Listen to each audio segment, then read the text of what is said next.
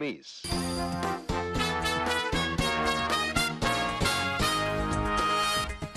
ဘေးရန်ရဲ့အသွဲသွဲကင်းဝေးတဲ့မင်္ဂလာနံနဲ့ကင်းဖြစ်ကြပါသေးခင်ဗျာ VOA အမေရိကန်တိုင်းရဲ့2021ခုနှစ်အောက်တိုဘာလ1ရက်တောက်ကြနေမနေ့ကင်းအစီအစဉ်တွေကိုအမေရိကန်ပြည်ထောင်စုဝါရှင်တန် DC မြို့တော်ကနေလိုင်းလိုမီတာ25 40 51နဲ့ VOA ရဲ့ Facebook စာမျက်နှာကပါကျွန်တော်တို့ရုပ်သံအဖြစ်နဲ့အခုထုတ်လွှင့်ပေးနေပါပြီခင်ဗျာ ကျွန်တော်ညံဝင်းအောင်ပါဒီကနေ့မနေ့ကင်းအစီအစဉ်တွေကိုတောင်းယူတင်ဆက်သွားမှာဖြစ်ပါတယ်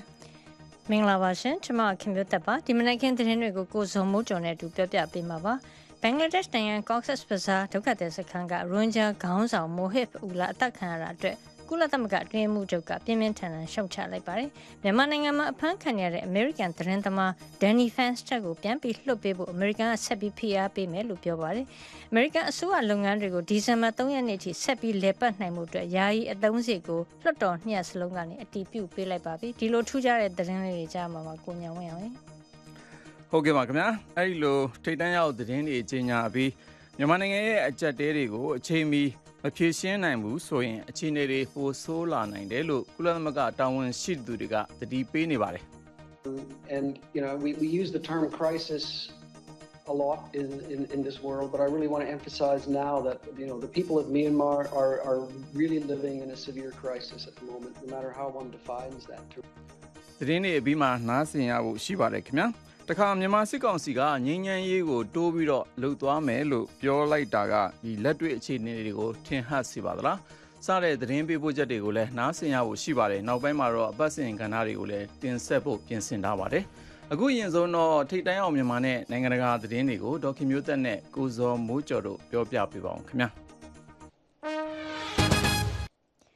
ဘင်္ဂလားဒေ့ရှ်နိုင်ငံကောက်ဆစ်ဘဇားမှာရှိတဲ့ဒုက္ခသည်စခန်းကရိုဟင်ဂျာခေါင်းဆောင်အသက်ခံရတာအတွက် ပြင်းထန်စွာရှုတ်ချကြောင်းကုလသမဂ္ဂအတွင်းမှုချုပ်အန်တိုနီယိုဂူတရက်စ်ရဲ့လက်ထောက်ပြောခွင့်ရစတက်ဖနီထရမ်ဘလီကချက်သပတေးနေ့မှာပြောကြားလိုက်ပါတယ်။ The UN strongly condemns the killing of Rohingya refugee leader Mohib Ullah in Cox's Bazar in Bangladesh. Bangladesh နိုင်ငံ Cox's Bazar ဒုက္ခသည်စခန်းကရိုဟင်ဂျာခေါင်းဆောင် Mohib Ullah ဗုဒ္ဓဖူးနေ့ကတပ်ခံရတာအတွက်ကုလသမဂ္ဂကပြင်းပြင်းထန်ထန်ရှုတ်ချပါတယ် ဘင်္ဂလားဒေ့ရှ်အာဏာပိုင်တွေအနေနဲ့ဒီကိစ္စနဲ့ပတ်သက်ပြီးစုံစမ်းစစ်ဆေးမှုတွေလုပ်ဖို့ရောကျူးလွန်သူတွေကိုအပြစ်ပေးနိုင်အောင်လုပ်ဖို့ပါကုလသမဂ္ဂကတိုက်တွန်းပါတယ်လို့ပြောပါတယ်။ဒါ့အပြင်ဘင်္ဂလားဒေ့ရှ်နိုင်ငံအပါအဝင်ဘယ်နိုင်ငံမှာပဲဖြစ်ဖြစ်သူတို့နိုင်ငံမှာရောက်နေတဲ့ရိုဟင်ဂျာအတိုင်းဝိုင်းကိုနိုင်ငံတကာကနေဆက်ပြီးအသေးချာကူညီကြဖို့နဲ့အကာအကွယ်တွေပေးကြဖို့လည်းကုလသမဂ္ဂကတိုက်တွန်းပါတယ်။ ရိုဟင်ဂျာဒုက္ခသည်တွေနဲ့ပြည်ရင်းအိုးအိမ်ရွှေ့ပြောင်းနေထိုင်ရတဲ့ IDP တွေသူတို့သဘောဆန္ဒအလျောက်ဂုံတည်ရှိရှိနဲ့လုံခြုံစိတ်ချစွာဌာနေပြန်နိုင်ရေးလုပ်ပေးဖို့လဲကုလသမဂ္ဂဆက်ပြီးတောင်းဆိုပါတယ်။ရိုဟင်ဂျာဆိုတဲ့အသုံးအနှုန်းကိုလက်မခံတဲ့မြန်မာအစိုးရကတော့ဒီဒုက္ခသည်တွေကိုစီစစ်ပြန်ခေါ်ယူမှာဖြစ်ကြောင်းပြောပေမဲ့အခုချိန်ထိမလောက်ဆောင်နိုင်သေးပါဘူး။အသက်ခံရတဲ့ငိမ့်ချမ်းရေးနဲ့လူခွင့်ရေးဆိုင်ရာရခိုင်ပြည်နယ်ရွန်ဂျာအဖွဲ့ဥက္ကဋ္ဌဦးမိုဟစ်ဦးလာရဲ့အလောင်းကိုချက်တပရင်းတွေကပဲကုတုပလောင်ဒုက္ခတဲ့တုတ်တန်မှာ မြင်းမြုပ်သကြိုရမှာစခန်းအသီးသီးကဒုက္ခတွေတိတ်နဲ့ချီတက်ရောက်တယ်လို့စခန်းမှာနေထိုင်သူတွေက VOA ကိုပြောပါတယ်မြန်မာအာဏာသိမ်းစစ်ကောင်စီကအမေရိကန်သတင်းတောက်ဒန်နီဖန်စတာကိုဆက်လက်ဖမ်းဆီးထားတဲ့အပေါ်လွန်စွာမှစိုးရိမ်မကင်းဖြစ်မိတယ်လို့အမေရိကန်နိုင်ငံသားရေးဝန်ကြီးဌာနပြောရေးဆိုခွင့်ရှိသူကကြာသာပတေးနေ့မှာပြောဆိုလိုက်ပါတယ်။အမေရိကန်နိုင်ငံသားတွေရဲ့လုံခြုံရေးဟာအမေရိကန်အစိုးရရဲ့အမြင့်ဆုံးဦးစားပေးကိစ္စရပ်တွေတဲကတစ်ခုဖြစ်ကြောင်းနဲ့ ဖမ်းဆီးခံထားရတဲ့ဒန်နီရဲ့အခြေအနေတွေကိုအနိကစောင့်ကြည့်နေတယ်လို့ပြောရေးဆိုခွင့်ရှိသူက VOA ကိုပြောဆိုပါတယ်။ဒန်နီဖန်စတာကိုချက်ချင်းလွတ်ပေးဖို့အမေရိကန်အစိုးရအနေနဲ့မြန်မာအာဏာသိမ်းစစ်ကောင်စီကိုဆက်လက်ဖိအားပေးတော့မှာဖြစ်ပြီးသူ့အနေနဲ့မိသားစုထံကိုလုံလုံခြုံခြုံပြန်လည်ရောက်ရှိတဲ့အထိအမေရိကန်အစိုးရအနေနဲ့ဆက်လက်ဆောင်ရွက်သွားမယ်လို့နိုင်ငံသားရေးဝန်ကြီးဌာနပြောရေးဆိုခွင့်ရှိသူကပြောပါတယ်။ဒန်နီဖန်စတာနဲ့အခြားသတင်းသမားတွေကိုဖမ်းဆီးထားတာဟာမြန်မာနိုင်ငံအနေနဲ့ လူအခွင့်အရေးချိုးဖောက်မှုတွေလူသားချင်းစာနာမှုဆိုင်ရာအကြက်တဲတွေကိုဆက်လက်ရင်ဆိုင်နေရတာကိုဖော်ပြနေတယ်လို့ဆိုပါတယ်။သတင်းနဲ့စာနယ်ဇင်းအလို့ဟာရာဇဝတ်မှုမဟုတ်ကြောင်းသတင်းသမားတွေအပေါ်အကြမ်းဖက်တိုက်ခိုက်ဖမ်းဆီးတာဟာလွတ်လပ်စွာဖော်ပြခွင့်ကိုတိုက်ခိုက်တာပဲဖြစ်ကြောင်းနဲ့လက်ခံနိုင်စရာမရှိကြောင်းကိုလည်းအမေရိကန်နိုင်ငံသားရေးဝန်ကြီးဌာနကပြောဆိုပါတယ်။စက်တင်ဘာလ22ရက်နေ့အင်ကာနေ့တုန်းကဒန်နီဖက်စတာနဲ့ဆက်သွယ်စကားပြောခဲ့ရတဲ့အကြောင်း မိဘတွေနဲ့တကွမိသားစုတွေအနေနဲ့စိုးရိမ်ပူပန်နေကြောင်းနဲ့လာမယ့်အော်တိုဘာလ၄ရက်နေ့ရုံးချိန်အတွက်စောင့်မျှော်နေတဲ့အကြောင်းဒန်နီဖန်စတာရဲ့အကိုဘိုင်ယန်ဖန်စတာကလည်း VOA ကိုပြောဆိုခဲ့ပါတယ်ခင်ဗျာကယားပြည်နယ်လွိုင်ကော်မြို့ကုန်းသာယာရွာတဝိုက်မှာဒေသခံကာကွယ်တပ်တွေဖြစ်တဲ့ကရင်နီပူးပေါင်းအဖွဲ့နဲ့စစ်ကောင်စီတပ်တွေကြားဗုဒ္ဓဘူးနဲ့ကျက်တပရင်းတွေမှာတိုက်ပွဲတွေပြင်းပြင်းထန်ထန်ဖြစ်ပွားခဲ့တဲ့အတွက်ရွာပေါင်း600ကျော်ကကြေးရွာသားတွေ အိုးအိမ်ဆွန့်ခွာပြီးဘေးလွတ်ရာထွက်ပြေးနေရတယ်လို့ဒေသခံတွေကပြောပါတယ်။ကုန်းသာရွာအနီးတောင်ပေါ်ဘက်မှာစစ်တပ်ကတပ်ဆွဲနေရယူထားပြီးလက်နက်ကြီးနဲ့အဆက်မပြတ်ပစ်ခတ်နေတဲ့ကြောင်းနဲ့ကုန်းသာရွာကနေအိမ်တချို့မိလောင်ပျက်စီးခဲ့ရတယ်လို့ဒေသခံတွေက VOA ကိုပြောပါတယ်။ဒီတိုက်ပွဲအတွင်းကရင်နီပူးပေါင်းတပ်ဖက်က6ယောက်ကြာဆုံးတယ်လို့စစ်တပ်ဘက်ကအယောက်30တေဆုံးပြီးအယောက်30လောက်ဒဏ်ရာရတယ်လို့ KNDF သတင်းနဲ့ပြန်ကြားရေးဌာနကထုတ်ပြန်ပေမဲ့တေဆုံးဒဏ်ရာရဆင်းရဲနဲ့ပတ်သက်ပြီး VOA ကတိကျအတည်မပြုနိုင်သေးပါဘူး။လက်နက်အပြည့်တင်းလာတဲ့စစ်ကောင်စီကားတစ်စီးကိုဒေသခံကာကွယ်တပ်ကတိုက်ခိုက်မိရှုဖျက်ဆီးနိုင်ခဲ့တယ်လို့လည်းပြောပါတယ်။ကင်းနီနဲ့တိုက်ပွဲအခြေအနေနဲ့ပတ်သက်လို့စစ်ကောင်စီပြောခွင့်ရဗိုလ်ချုပ်ဇော်မင်းထွန်းကို VOA ကဖုန်းနဲ့အကြိမ်ကြိမ်ဆက်သွယ်ပေမဲ့ဖုန်းလက်ခံဖြေဆိုတာမရှိပါဘူး။ ထိုင်းနိုင်ငံဆုံခလာပြည်နယ်နဲ့ကမ်ချနာဘူရီပြည်နယ်ထဲမှာနှစ်လအတွင်းဖမ်းမိတဲ့ရွှေပြောင်းအလုတ်သမားစင်းထုတ်ပြန်ထားရမှာမြန်မာနိုင်ငံသား9000ထက်မနည်းပါဝင်နေပါတယ်။ဒီလအတော်အတွင်းဖမ်းခံရသူ4600လောက်ရှိပြီးစက်တင်ဘာလ22ရက်နေ့နောက်ပိုင်းဖမ်းမိသူတွေစည်ရင်ထဲမပါသေးကြောင်းခုရက်တွင်ဖမ်းဆီးရသူပေါင်း200ဝန်းကျင်ရှိတဲ့အတွက်ဆုံခလာနဲ့ကမ်ချနာပြည်နယ် နှစ်ခုမှာအဖမ်းခံရတဲ့မြန်မာစုစုပေါင်း9000လောက်ရှိတယ်လို့ပညာရေးနဲ့ဖွံ့ဖြိုးတိုးတက်ရေးဖောင်ဒေးရှင်းကဦးမင်းဦးကပြောဆိုပါတယ်။နေ့စဉ်ခိုးဝေနေကြတဲ့မြန်မာတွေဟာယာနဲ့ချီရှိပြီးလူမောင်ခိုလူကုန်ကူးမှုတရားမဝင်နေဆက်ဖြတ်ကျော်မှုစတာတွေအပြင်ကိုဗစ်အရေးပေါ်ဥပဒေတွေနဲ့အရေးယူခံနေရပါတယ်။ထိုင်းနိုင်ငံတောင်ပိုင်းဆွန်ခလာပြည်နယ်ကလာဝကအချင်းတောင်တွေကလွတ်ရက်စစ်နေပေမဲ့ပြန်လို့မရသေးတဲ့မြန်မာ600လောက်လဲ ဒန်နော့အချုပ်ထောင်ကြီးထဲမှာရှိနေတယ်လို့စုံခလာခရိုင်ရွှေပြောင်းအလုပ်သမားအခွင့်အရေးကွန်ရက်ရဲ့တာဝန်ခံဥပယီကပြောဆိုပါတယ်။ဖမ်းဆီးခံထားရသူတွေကတချို့ဆိုလို့ရှိရင်နှစ်ကြိမ်ထက်မနည်းလူကုန်ကူးခံရသူတွေပါဝင်ပါတယ်။ထိုင်းနိုင်ငံမှာတရားဝင်ရောတရားမဝင်ပါရွှေပြောင်းအလုပ်သမား၃တန်းထက်မနည်းအလုပ်လုပ်ကင်နေကြတာဖြစ်ပါတယ်ခင်ဗျာ။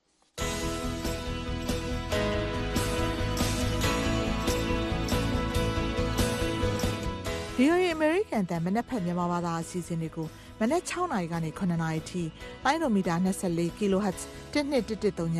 လိုင်းဒိုမီတာ40 kHz 9413ညလိုင်းဒိုမီတာ51 kHz 9895နဲ့လိုင်းလမီတာ190 kHz 1505တို့ကနေထုတ်လွှင့်ပေးနေပါတယ်ရှင်။ VOA American တန်ကမနေ့ကင်းသတင်းတွေကိုဆက်လက်ကြီးညာနေပါတယ်။ American ဆိုရလုပ်ငန်းတွေဒီဇင်ဘာ3ရက်နေ့ထိဆက်ပြီးလဲပတ်နိုင်အောင်အထက်နဲ့အောက်လွှတ်တော်နှစ်ရပ်စလုံးကကျေသပတိနေမှာယာယီအသုံးစီကိုမဲခွဲအတီးပြုတ်ပေးခဲ့ကြပါတယ်။အခုလိုအတီးပြုတ်ချက်မရခဲ့ရင်တော့ကျေသပတိညတကောင်ရန်အချိန်မှာအစိုးရရန်ရတစိတစ်ပိုင်းကိုရန်နာထားမှာဖြစ်ပါတယ်။အထက်လွှတ်တော်ကထောက်ခံမဲ65မဲကန့်ကွက်မဲ35မဲနဲ့အတီးပြုတ်ပေးတယ်လို့အောက်လွှတ်တော်ကထောက်ခံမဲ254မဲကန့်ကွက်မဲ185မဲနဲ့အတူပြုတဲ့အတွက်ဒါကိုသမ္မတဂျိုးဘိုင်ဒန်လက်မှတ်ရေးထိုးဖို့ ပို့ပေးပို့လိုက်ပါပြီ။အခုလိုအတီးပြုတ်ချက်ရခဲ့တဲ့အတွက်လက်ရှိအစိုးရဌာနတွေတက်သတ်မှတ်ထားတဲ့ရန်ပုံငွေတွေကိုဆက်ပြီးရမှာပါဒီထဲမှာ hurricane မှုန်တိုင်းနဲ့တောမီအကြီးကျယ်လောင်ကျွမ်းမှုကြောင့်ပျက်စီးခဲ့ရတဲ့နယ်တွေအတွက်ဒေါ်လာ28.6ဘီလီယံချပေးမှာဖြစ်တယ်လို့အမေရိကန်ကိုရွှေ့ပြောင်းအခြေချတဲ့အာဖဂန်ဒုက္ခသည်တွေအတွက်ဒေါ်လာ6.3ဘီလီယံပေးမှာပါ ကျသပရင်းနေမှာပဲအောက်လွှတ်တော်မှာဒေါ်လာ1ထရီလီယံတန်အခြေခံအဆောက်အအုံစီမံကိန်းအတွက်မဲခွဲဖို့ရှိပါတယ်ဒီစီမံကိန်းကတော့အမေရိကန်နိုင်ငံတွင်းလမ်းကိုလမ်းဟောင်းတွေတရားတွေပြုပြင်ဖို့နဲ့နိုင်ငံတကာအင်တာနက်ဝန်ဆောင်မှုလုပ်ငန်းတိုးချဲ့ဖို့ပါဝင်ပါတယ်နှစ်နိုင်ငံအကြားတင်းမာမှုတွေရှိနေတဲ့အမေရိကန်ပြည်ထောင်စုနဲ့တရုတ်နိုင်ငံတို့ရဲ့ကာကွယ်ရေးဆိုင်ရာတာဝန်ရှိသူတွေနှစ်ရက်ကြာဆွေးနွေးခဲ့ကြပြီးတိုးတက်မှုအနည်းငယ်ရရှိခဲ့ပါတယ်။တရုတ်ပြည်သူ့လွတ်မြောက်ရေးတပ်မတော်ရဲ့နိုင်ငံတကာစီးရေးပူးပေါင်းဆောင်ရွက်ရေးဌာနဒုတိယညွှန်ကြားရေးမှူးဗိုလ်ချုပ် ဟောင်ရှူပင်းနဲ့အမေရိကန်ပြည်ထောင်စုတရုတ်ပြည်ဆိုင်ရာကာကွယ်ရေးဌာနဒုလက်ထောက်ဝန်ကြီးမိုက်ကယ်ချစ်တို့ဦးဆောင်ပြီးအင်္ဂါနဲ့ဗုဒ္ဓဟူးနေ့တွေမှာအွန်လိုင်းကနေဗီဒီယိုနဲ့ဆွေးနွေးခဲ့ကြတာပါ။တရုတ်နဲ့အမေရိကန်အကြားနှစ်နိုင်ငံဆက်ဆံရေးနဲ့တမတော်နှစ်ခုအကြားဆက်ဆံရေးတွေအပြင်နှစ်ဖက်စိုးရိမ်ပူပန်နေတဲ့အကြောင်းအရာတွေနဲ့ပတ်သက်ပြီးလေးနက်တဲ့အမြင်တွေကိုဆွေးနွေးဖလှယ်ခဲ့ကြတယ်လို့တရုတ်ကာကွယ်ရေးဝန်ကြီးဌာနရဲ့ပြောရေးဆိုခွင့်ရှိသူဟူကွမ်ကပြောဆိုပါတယ် နှစ်နိုင်ငံဆွေးနွေးပွဲနဲ့ပတ်သက်ပြီးအမေရိကန်အမေရိကန်ကာကွယ်ရေးဝန်ကြီးဌာနပြောရေးဆိုခွင့်ရှိသူဒုတိယဗိုလ်မှူးကြီးမာတင်မီနာရဲ့ထုတ်ပြန်ချက်မှာတော့တရုတ်နဲ့အမေရိကန်အကြားနှစ်နိုင်ငံပြန်ဆိုင်မှုနဲ့ပတ်သက်ပြီးတာဝန်ယူမှုရှိရှိစီမံခန့်ခွဲနိုင်မှုအတွက်နှစ်နိုင်ငံဆက်သွယ်ရေးလမ်းကြောင်းဖွင့်ထားခြင်းဟာသမ္မတဘိုင်ဒန်အစိုးရရဲ့အရေးပါတဲ့လုပ်ငန်းအစိတ်အပိုင်းတစ်ခုဖြစ်တယ်လို့ဖော်ပြထားပါတယ်ခင်ဗျာကမ္ဘာ့ကျန်းမာရေးအဖွဲ့ WHO, Gavi နဲ့ UNICEF အပါအဝင်ကုလသမဂ္ဂအဖွဲ့တွေပူးတွဲပြီး မြန်မာနိုင်ငံမှာ COVID-19 ကာကွယ်ဆေးထိုးလုပ်ငန်းအရှိန်မြှင့်ဖို့သက်ဆိုင်ရာတာဝန်ရှိသူတွေနဲ့တွေ့ဆုံဆွေးနွေးနေတယ်လို့ကုလသမဂ္ဂအဖွဲ့တွေကစက်တင်ဘာ30ကြာသပတေးနေ့မှာကြေညာချက်ထုတ်ပြန်ပြောဆိုပါတယ်။ကုလသမဂ္ဂနဲ့မဟာမိတ်အဖွဲ့တွေက COVID-19 ကာကွယ်ဆေးထိုးလုပ်ငန်းအရှိန်မြင့်မှုကြိုးပမ်းနေတာဖြစ်ပြီးမြန်မာနိုင်ငံအတွက် COVAX ဖွဲ့ပံ့ပိုးမှုနဲ့ကိုဗစ်ကာကွယ်ဆေး6.2တန်းကိုကနူးခွဲပေးထားကြောင်းနဲ့ဒီဆေးတွေကို WHO လမ်းညွှန်ချက်နဲ့အညီဖြန့်ဖြူးမယ်လို့ပြောပါတယ်။ မြန်မာနိုင်ငံအရှိတောင်အာရှကတခြားနိုင်ငံတွေနဲ့ရှင်ကိုဗစ်ရောဂါစစ်ဆေးထိန်းချုပ်ရမှာအကန့်အသတ်ရှိနေတာကိုဗစ်ကာကွယ်ဆေးထိုးပေးနိုင်မှုနည်းတာတွေကြောင့်ဒီရောဂါပြန့်နှံ့မှုပြင်းထန်တာတွေ့ရတယ်လို့ပြောပါတယ်။အခုချိန်ထိလူဦးရေရဲ့73.1ကကာကွယ်ဆေးတစ်ကြိမ်ထိုးပြီးနှစ်ကြိမ်ထိုးပြီးသူက6.8ရာခိုင်နှုန်းသာရှိနေသေးတာဖြစ်ပါတယ်။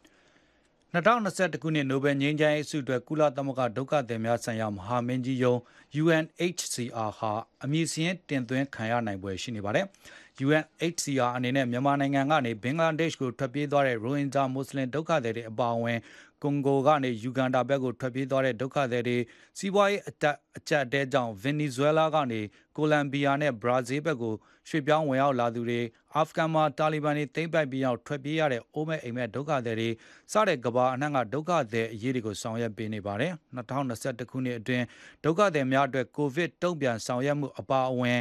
ကဘာတဝမ်းကဒုက္ခသည်တွေအတွက်ဆောင်ရွက်ပေးနေပါတယ် UNHCR ကို1950ခုနှစ်ကစတင်တည်ထောင်ခဲ့တာဖြစ်ပြီး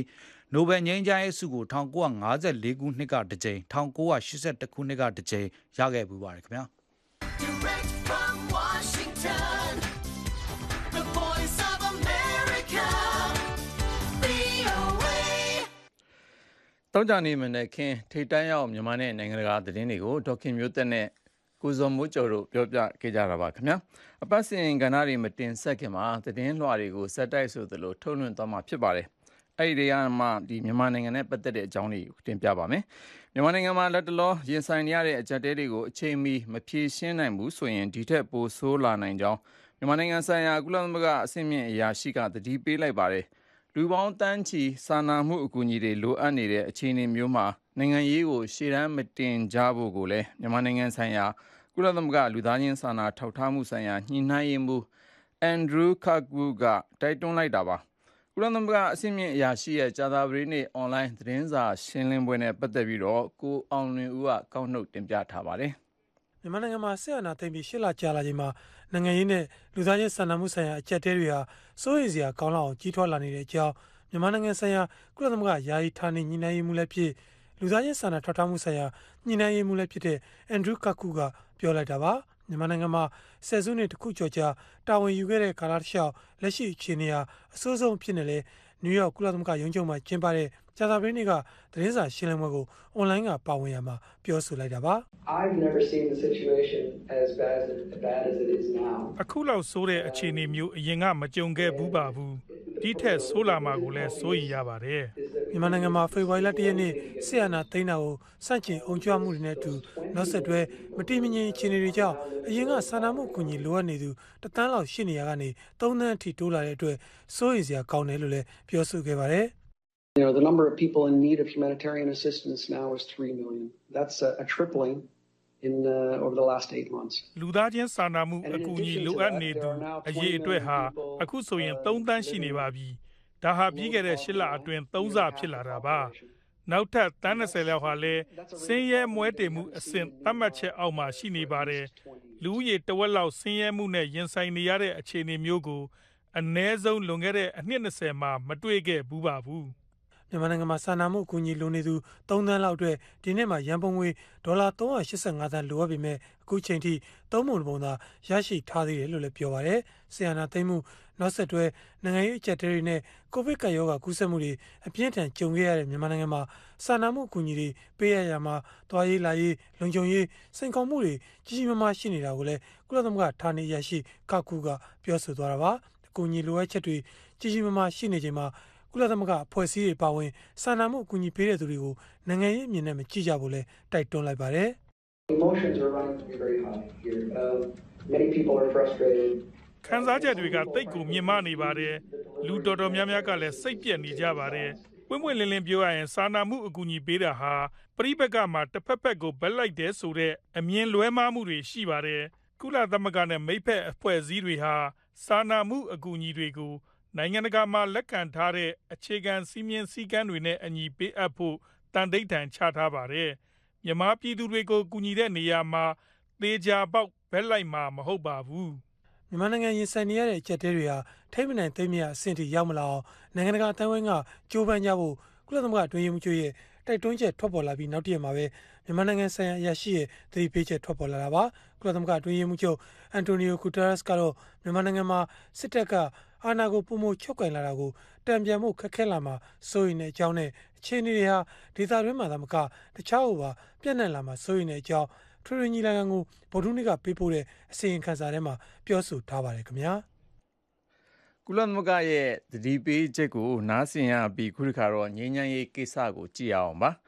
လာမယ့်နှစ်ဒီပြည်တော်စုနေ့ဟာစင်ရတုနှစ်ပတ်လည်နေကြီးဖြစ်တာမို့မြန်မာစစ်ကောင်စီအနေနဲ့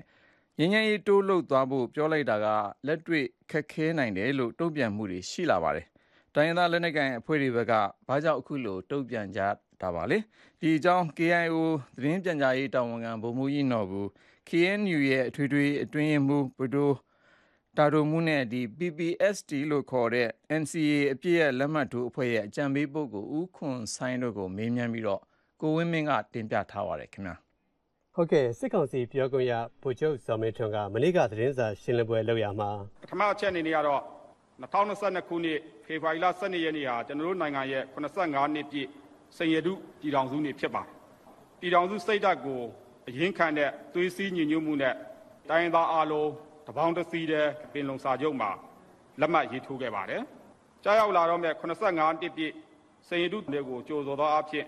ပြည်အောင်စုမြန်မာနိုင်ငံတော်အစိုးရအနေနဲ့တစ် ပြည်အောင်စုစိတ်ဓာတ်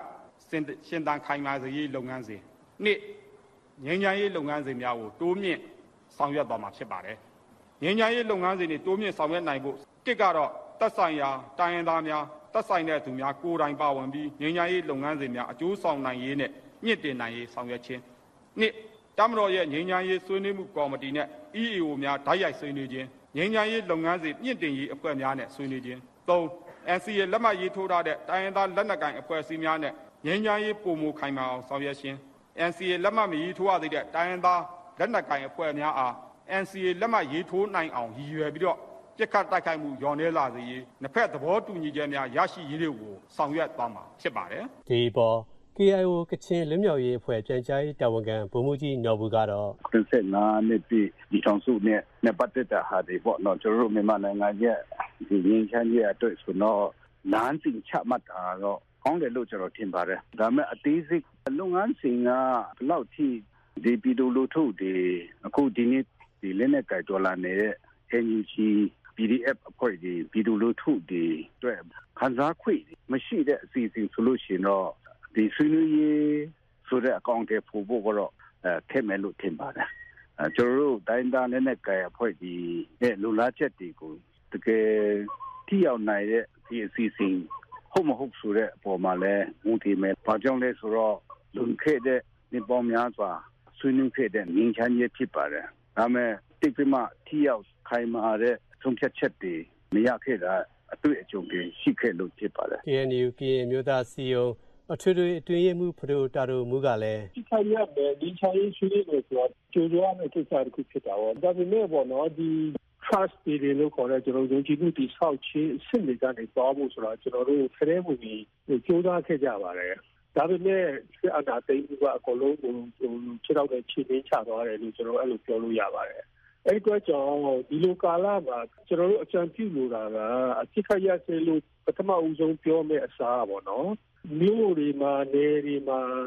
ရွာတွေမှာလိုက်ပြီးတော့တိုက်ခိုက်တာတွေလူလူတွေဖိနှိပ်တဲ့ဟာတွေအရင်ဆုံးပြန်ရုပ်လိုက်ပြီးတော့တကယ်ယုံကြည်နိုင်လောက်တဲ့လက်တွေ့ပေါ်ပြ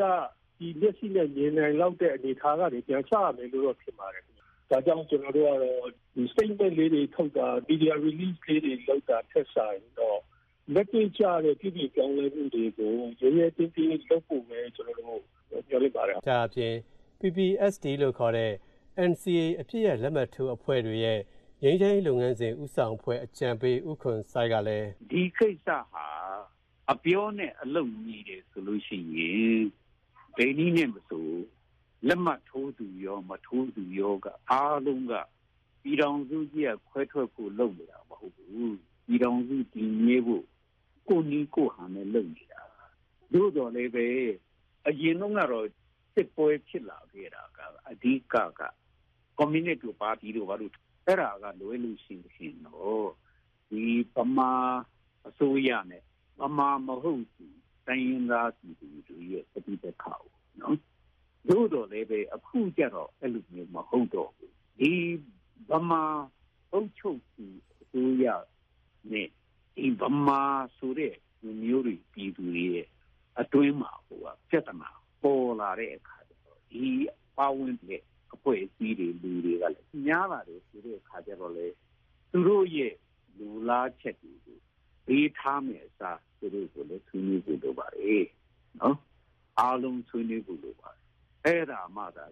ဝင်းချင်ရမှာတကယ်တော့ပင်လုံစာချုပ်ဆိုင်ရာပြည်တော်စုစိတ်သက်ပေါ်မြန်မာအုပ်ချုပ်သူတွေနဲ့တိုင်းရင်းသားတွေကြားအမြင်မတူတာကိုရှေ့ဆက်မဖြေရှင်းနိုင်ရင်တော့တဝဲလဲလဲဖြစ်နေအောင်မယ်လို့သုံးသပ်မှုတွေရှိနေပါတယ်ခင်ဗျစစ်ကောင်စီအနေနဲ့ငြိမ်းချမ်းရေးကိုတိုးလှုပ်သွားမယ်လို့အခုလိုပြောနေချိန်မှာပဲမြေပြင်မှာတော့တိုက်ပွဲတွေပြင်းထန်နေပါတယ် စစ်ကောင်စီရဲ့အပြစ်ရက်9လသက်တမ်းတိုးကြီးညာထားချိန်မှာကချင်ပြည်နယ်ဘက်မှာတိုက်ခိုက်တာတွေဆက်ဖြစ်နေသလိုရှမ်းပြည်နယ်မြောက်ပိုင်းမုံကိုဒေသဘက်မှာလည်းတိုက်ပွဲတွေဖြစ်နေတာပါရန်ကုန်ကလာတဲ့ဒီရှမ်းနဲ့ကချင်ဘက်ကတိုက်ပွဲသတင်းအခြေအနေကိုတော့ကိုငင်းညံ့ကပြောပြပေးမှာဖြစ်ပါတယ်။ COVID-19 ကပ်ရောဂါကိုကာကွယ်ထိန်းချုပ်ဖို့ထာဝရငြိမ်းချမ်းရေးရရှိအောင်ဆောင်ရွက်ဖို့အပြင်လာမယ့်နှစ်မှာကြာရောက်မဲ့85နှစ်မြောက်စိန်ရတုပြည်ထောင်စုနေ့ကိုကြိုဆိုတဲ့အနေနဲ့ဆိုပြီး နိုင်ငံတော်ဝန်မှာ9လကြာအပြည့်ရက်ဆဲကြောင်းစစ်ကောင်စီကကြေညာပြီးနောက်တရက်မှာပဲကချင်နဲ့ရှမ်းမြောက်ဒေသတွေမှာမိုင်းခွဲတိုက်ခိုက်တာနဲ့တိုက်ပွဲတွေဆက်ဖြစ်နေတာပါကချင်ပြည်နယ်အတွင်းမှာတော့မိုးကောင်းဖားကန့်တနိုင်းမြို့နယ်တွေကလီဒိုလမ်းမပေါ်နဲ့မိုးမောက်မြို့နယ်မှာအဓိကဖြစ်ခဲ့ပါတယ်မိုးကောင်းမြို့နယ်အတွင်းမှာစစ်ကောင်စီရင်တန်းကို KIA ကမိုင်းခွဲတိုက်ခိုက်ခဲ့တယ်လို့ဒေသခံတူက VOA ကိုပြောပါတယ် ဒီလမ်းပြီးလမ်းလမ်းတက်တော့မကန်ပြောပါတော့ပါခဏတော့တော့ တိုက်ပွဲဖြစ်တယ်ပေနိုင်ဝင်းကျင်တော့မှာ စစ်ကား ၃ စီး တက်လာတယ် အဲ့ဒီစစ်ကားတွေကိုဝိုင်းခွဲတိုက်ခိုက်တယ်အဲ့ဒီကြားတယ်ဒီခိုက်တော့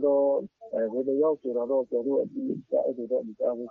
ဖားကန့်မြို့နယ်က ဒေသခံတူကလည်း မိုင်းခွဲတိုက်ခိုက်တာတွေ ရှိခဲ့ကြောင်း ပြောပါတယ် တွန်ဘန်နဲ့ ခွန်ချယန်ကြားမှာကဲဘက်ကတွေ ကားရင်တန်းကို ကားမိုင်းခွဲပေးရလို့ကြားတယ်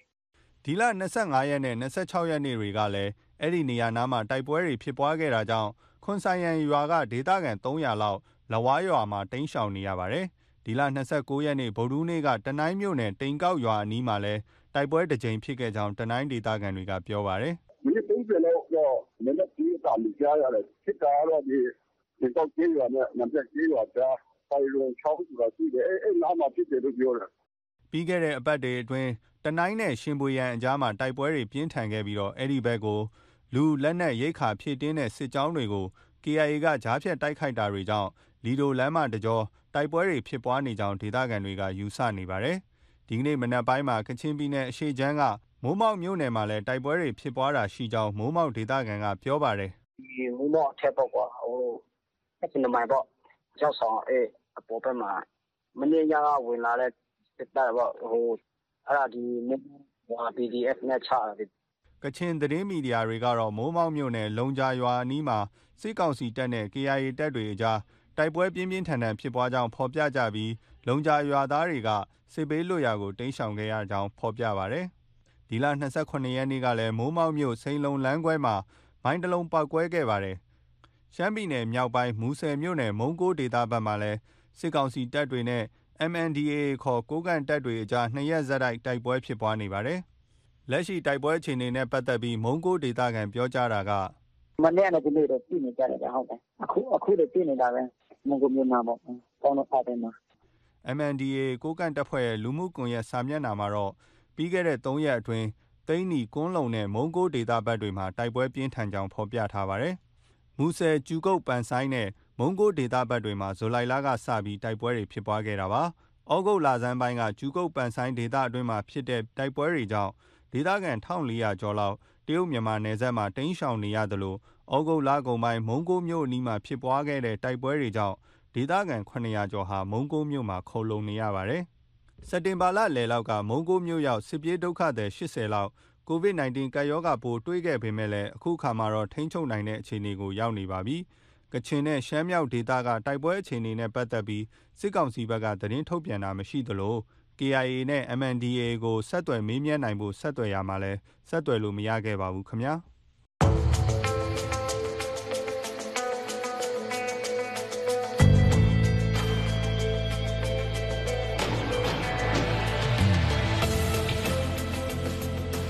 VOA ရဲ့တောက်ကြနေမနေ့ခင် ရေဒီယိုအစီအစဉ်တွေကိုကျွန်တော်တို့ဆက်ပြီးတော့တင်ဆက်နေတာဖြစ်ပါတယ်။မကြာခင်မှာအပတ်စဉ်ကဏ္ဍတွေထုတ်လွှင့်မှုရှိပါတယ်ခင်ဗျာ။အခုတော့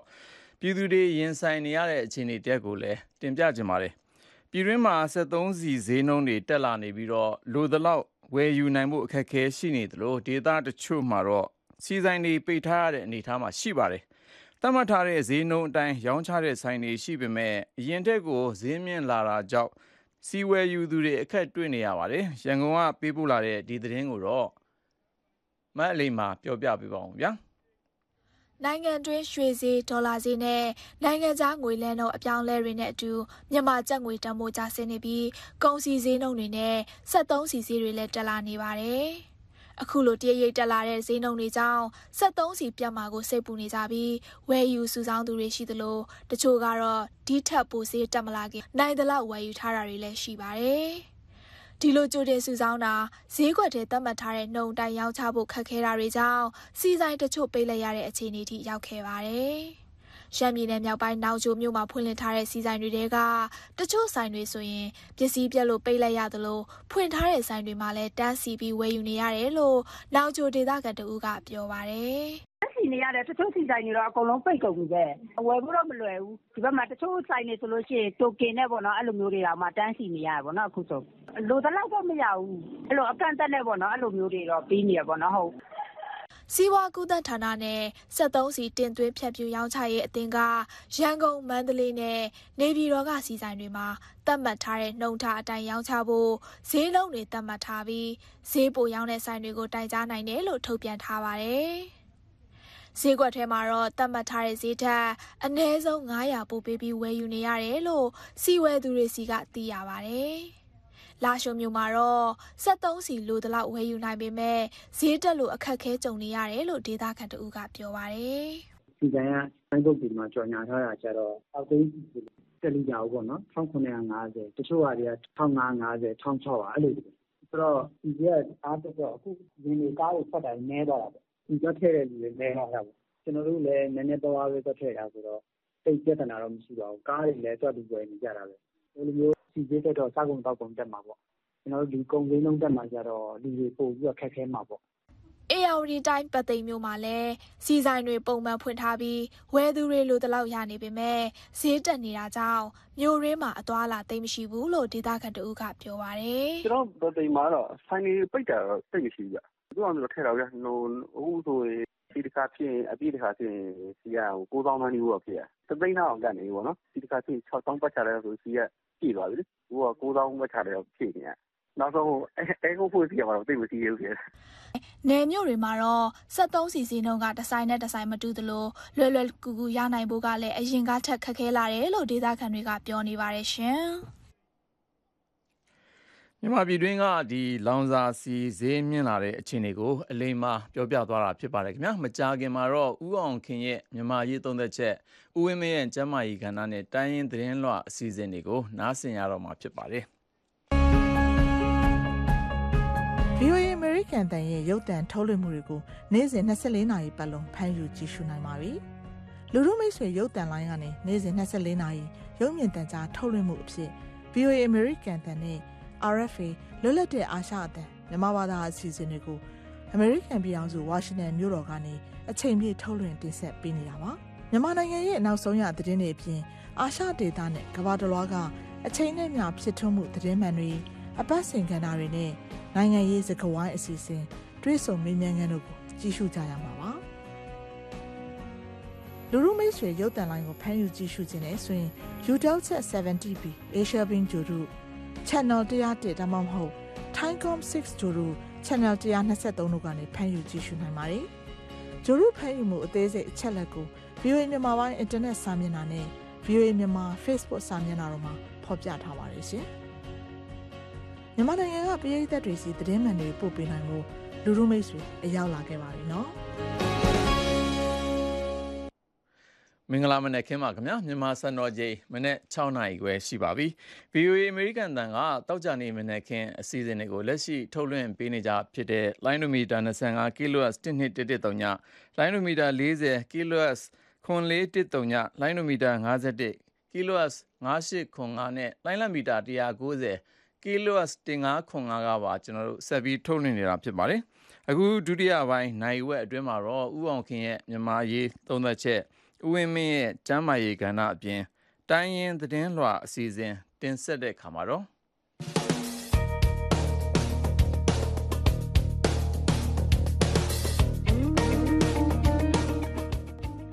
ကိုဗစ်ရောဂါစတင်ပြန်ပွားတာကိုစုံစမ်းစစ်ဆေးဖို့ဩစတြေးလျအစိုးရတောင်းဆိုချိန်ကစပြီးတရုတ်နဲ့ဆက်ဆံရေးအစီအမပြေဖြစ်လာတယ်လို့ပြောနိုင်ပါတယ်။ ဒီတော့အတွင်း လွန်ခဲ့တဲ့ မေလက တရုတ်ပင်လယ်အရှေ့ပိုင်းမှာ အမေရိကန် ဂျပန် ပြင်သစ်တို့ ကျင်းပတဲ့ ရေတပ်စီရေးလေ့ကျင့်ခန်းမှာဩစတြေးလျပါဝင်လာတာဟာ တရုတ်အတွက် မကျေနပ်စရာ ဖြစ်လာပါတယ်။စစ်အင်အား မဖြစ်စလောက်သာရှိတဲ့ဩစတြေးလျကို ဂရုစိုက်စရာ မလိုဘူးလို့ တရုတ်ကွန်မြူနစ်ရဲ့ Global Times မှာ ရေးသားကြပါတယ်။ဩစတြေးလျဗြိတိန် နဲ့ အမေရိကန်ဩကတ်မဟာမိတ်ဖွဲ့တဲ့အခါမှာ တရုတ်တုံ့ပြန်မှုဟာ ပြင်းထန်လာပါတယ် စက်တင်ဘာ15ရက်နေ့က ကျင်းပတဲ့ online သတင်းစာရှင်းလင်းပွဲမှာ စိတ်တူသဘောတူတွေဖြစ်တဲ့ အမေရိကန် ဗြိတိန်နဲ့ဩစတြေးလျဟာ သူတို့ယုံကြည်ချက်ကို ကာကွယ်ဖို့နဲ့ လုံခြုံရေးဖွံ့ဖြိုးရေးမြင့်တင်ဖို့အတွက်သုံးနိုင်ငံ ကာကွယ်ရေးမဟာမိတ်အော့ကတ်ကို တည်ထောင်တယ်လို့ ဖော်ပြပါတယ်။တရုတ်အန်ဒီရဲ့ကြီးမားလာတာကို မပြောပေမဲ့တရုတ်ကို ဟန်ထားဖို့ စစ်ဘရင်စကားနဲ့ဆိုရင် ခွေထားဖို့ ရွေတာလို့ မြင်ကြပါတယ် တရုတ်ရဲ့ ပိုးကပတ်လမ်းကြောင်းကို အနောက်တိုင်းမှာ သင်္ကာမကင်း ဖြစ်နေတာကြာပြီးဖြစ်ပေမဲ့မြန်မာပြည်လို နိုင်ငံလေးတွေကတော့ အခွင့်အလမ်းလို့ မြင်ကြပါတယ် တရုတ်အစိုးရရဲ့ ပိုးကပတ်လမ်းကြောင်း စီမံကိန်းဟာ အာရှပစိဖိတ်ဒေသက နိုင်ငံတွေရဲ့ ပူးပေါင်းဆောင်ရွက်မှုကို မြင့်တင်ပေးနေတယ်လို့ ဗိုလ်ချုပ်မင်းမင်းအောင်လှိုင်က9ကြိမ်မြောက် မော်စကို နိုင်ငံတကာ လုံခြုံရေးညီလာခံမှာ ဇွန်လ23ရက်နေ့က ပြောပါတယ် အာရှပစိဖိတ်ဒေသမှာ အင်အားကြီးနိုင်ငံတွေမဟာဗျူဟာပြိုင်ဆိုင်လို့ဒေသတွင်းပဋိပက္ခကြီးထွားလာမယ်လို့ခန့်မှန်းပါတယ်။ဒီမိုကရေစီလူ့အခွင့်အရေးကိုအကြောင်းပြပြီးပြည်တွင်းရေးမှာဝင်ရောက်စွက်ဖက်ချယ်လှယ်တာမျိုးကိုလည်းအများကြီးတွေ့ရလိမ့်မယ်လို့ဆိုပါတယ်။နိုင်ငံအချို့ဟာသူတို့နဲ့မတူတဲ့နိုင်ငံရေးစနစ်နဲ့အတွေးအခေါ်တွေကိုလွှမ်းမိုးဖို့နည်းလမ်းမျိုးစုံနဲ့အစဉ်တစိုက်ကြိုးပမ်းနေတယ်လို့လည်းတပ်ချုပ်မင်းအောင်လှိုင်ကမော်စကိုညီလာခံမှာပြောသွားပါတယ်။မြန်မာ့အရေးမှာမစွက်ဖက်ကြဖို့သတိပေးထားတာဖြစ်ပါတယ် မြန်မာပြည်တွင်းပြည်ပရေးရာမှာ တရုတ်ကအရေးကြီးတဲ့အခန်းက ပါဝင်နေတာမို့ တရုတ်အခြေအနေ ဆိုးဝါးလာရင် မြန်မာပြည်မှာကြရက်ရိုက်လာမှာကို စစ်အစိုးရ စိုးရိမ်နေပုံရပါတယ်။ပြည်ပကဆွတ်ဖက်လာမှာကိုတက်ချုပ်ကြီး စိုးရိမ်နေတာ ထင်ရှားပါတယ်။ရိုးသားတဲ့ ဒီမိုကရေစီစနစ်ကို အကောင့်ထဲပေါ်ခြင်းလို့ စစ်အာဏာသိမ်းရတယ်လို့ ပြောတာကိုတော့ ဒီမိုကရေစီ ကျင့်သုံးသူတွေ လက်ခံနိုင်စရာ အကြောင်းမရှိပါဘူး။ ဒီမိုကရေစီနိုင်ငံသုံးနိုင်ငံရဲ့အောကတ်အဖွဲ့ဟာ စစ်အာဏာရှင်အတွက် ဘဝင်တုံစရာ ဖြစ်နေပါတယ်။အရင်ကလည်း သတင်းဖလှယ်ဖို့ ဖွဲ့ထားတဲ့ Five Eyes အဖွဲ့မှာ အင်္ဂလိပ်စကားပြောတဲ့ နိုင်ငံတွေသာ ပါဝင်ပါတယ်။ယုံကြည်မှုကို အခြေခံတဲ့ လုပ်ငန်းတွေမှာ ယဉ်ကျေးမှု အခြေခံတူညီတာကို ဦးစားပေးတာများပါတယ်။သမိုင်းဟာ နိုင်ငံတကာဆက်ဆံရေးမှာ ရောင်ပြန်ဟပ်နေပါတယ်။ ဒီဇယ်သုံးရေငုပ်သင်္ဘောတွေ ပြင်သစ်ဆီက ဝယ်ယူဖို့ အစီအစဉ်လုပ်ပြီးတော့ ပြင်သစ်နဲ့အတူ စစ်ရေးလေ့ကျင့်ခန်းလုပ်ပြီးမှဩဂတ်မဟာမိတ်အဖွဲ့မှာ ဝိုင်းပယ်ခံရတာကို ပြင်သစ်က မကြေမချမ်း ဖြစ်သွားပါတယ်။ပြင်သစ်ကို မယုံသလို ဖြစ်သွားပါတယ်။အမေရိကန်ရဲ့အနုမြူစွမ်းအင်သုံး ရေငုပ်သင်္ဘောနဲ့ ထောက်လှမ်းရေးနည်းပညာရဖို့ဩစတြေးလျအတွက် ပိုအရေးကြီးပါတယ်။အနုမြူစွမ်းအင် ရေငုပ်သင်္ဘောတွေရလို့ဩစတြေးလျဟာ တရုတ်ထက်ပိုပြီး အားကောင်းမှာ မဟုတ်ပါဘူး ဒါပေမဲ့အမေရိကန်အနုမြူရေငုပ်သင်္ဘောတွေဩစတြေးလျမှာဆိုက်ကပ်နိုင်တာဟာတရုတ်အတွက်ရတက်မအေးစရာဖြစ်လာနိုင်ပါတယ်။ဩစတြေးလျကသမဂ္ဂတွေဖြစ်တဲ့သင်္ဘောသားသမဂ္ဂနဲ့လျှက်စစ်အလုပ်သမားသမဂ္ဂတွေကတော့အနုမြူရေငုပ်သင်္ဘောစီမံကိန်းဟာတိုင်းပြည်အတွက်အကျိုးမရှိဘူးလို့သုံးသပ်ကြပါတယ်။အင်္ဂလိပ်အမေရိကန်နဲ့တရုတ်ကွန်မြူနစ်ဟာအခြေခံအတွေးအခေါ်ကွဲပြားခြားနားပါတယ်။1950ကဖြစ်ပွားတဲ့ကိုရီးယားစစ်အတွင်း ချောင်းချုံတိုက်ပွဲမှာအမေရိကန်တပ်တွေအရေးနှိမ်သွားပြီးမော်စီတုံးရဲ့ပြည်သူစစ်တပ်အောင်ပွဲခန္ဓာကိုအခုတည်းကတရုတ်ကဂုဏ်ယူနေပါတယ်။ကိုရီးယားစစ်ပွဲအနှစ်80ပြည့်နှစ်မှာချောင်းချုံစိတ်ဓာတ်မွေးကြဖို့သမ္မတရှီကျင့်ဖင်ကဩဝါဒစကားပြောကြားသွားပါတယ်။အမေရိကန်နဲ့အင်္ဂလိပ်ကတော့ပထမနဲ့ဒုတိယကမ္ဘာစစ်မှာအောင်ပွဲခန္ဓာကိုသာဂုဏ်ယူကြပြီးကိုရီးယားစစ်ကိုတော့မေ့ပစ်လိုကြပါတယ်။ မော်စီတုံးကစ်ကတကားပိတ်ဝါဒ ကျင့်သုံးတဲ့ တရုတ်နိုင်ငံကိုတကားဖွင့်နိုင်အောင် အမေရိကန်က ကူညီခဲ့ပါတယ်။အမေရိကန်နဲ့ ကုန်သွယ်ရေး အဆင်ပြေလို့ တရုတ်ကွန်မြူနစ်ဟာ အရင်းရှင် ဖြစ်လာတာပါ။အမေရိကန်နဲ့ ဆက်ဖြစ်ရင် တရုတ်ပြည် အကြီးအကျယ် ဒုက္ခရောက်သွားနိုင်တာကို ချောင်းချုံစိတ်ဓာတ်ရှိသူတွေ သိကြပါတယ်။တရုတ်ရဲ့ တပါတီအာဏာရှင်စနစ်နဲ့ အင်္ဂလိပ်အမေရိကန် ဒီမိုကရေစီစနစ်ဟာ ကွဲပြားတာမို့ ရှေ့ဆက်ညှိနှိုင်းဖို့ ခက်ခဲစေပါတယ်။မျက်မှောက်ခေတ်သမိုင်းကို လေ့လာရင် ဒီမိုကရေစီနိုင်ငံအချင်းချင်း စစ်မဖြစ်ကြဘဲ အာဏာရှင်နိုင်ငံတွေနဲ့သာ စစ်ဖြစ်တာ တွေ့ရပါတယ်ခင်ဗျာ။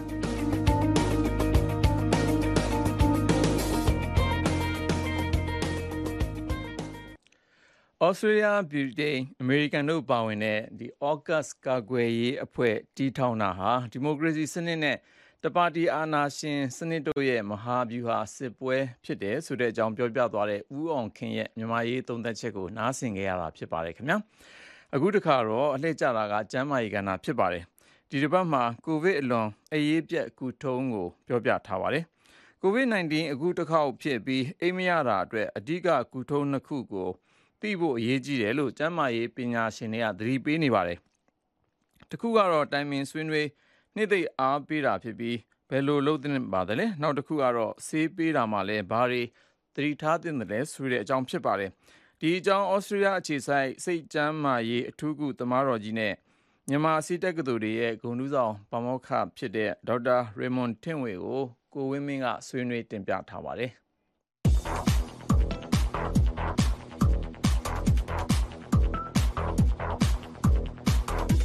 ဟုတ်ကဲ့အထူးကုဆရာဝန်ကြီးဒေါက်တာရေမွန်တင့်ဝေခင်ဗျာကျွန်တော်တို့ဒီကိုဗစ်ဖြစ်လာပြီးအိမ်မရတာနဲ့ပတ်သက်လို့ဘလို့ဘယ်ပုံဖြစ်ရတဲ့အကြောင်းကိုပြီးခဲ့တဲ့တစ်ပတ်ကပြောပြီးမှဒီတစ်ခေါက်တော့ဆရာကြီးဘလို့ကုစားဖို့ကိုပြောမှာမို့အရေးကြီးဆုံးကိုဆရာပါစရှင်းပြခြင်းလဲအဲ့ဒီပြောတဲ့အတွက်ကြောင့်ခုထုံးကပါလဲဆိုလို့ရှိရင်တော့ဒီလိုအခက်ခဲကြုံပြီးတော့စိတ်ချောက်ချားပြီးတော့စိတ်ဓာတ်ကြသည်တည်းဖြစ်လာနိုင်တယ်အဲ့လိုအချိန်မှာအလိုအဆုံးအချိန်တစ်ခုက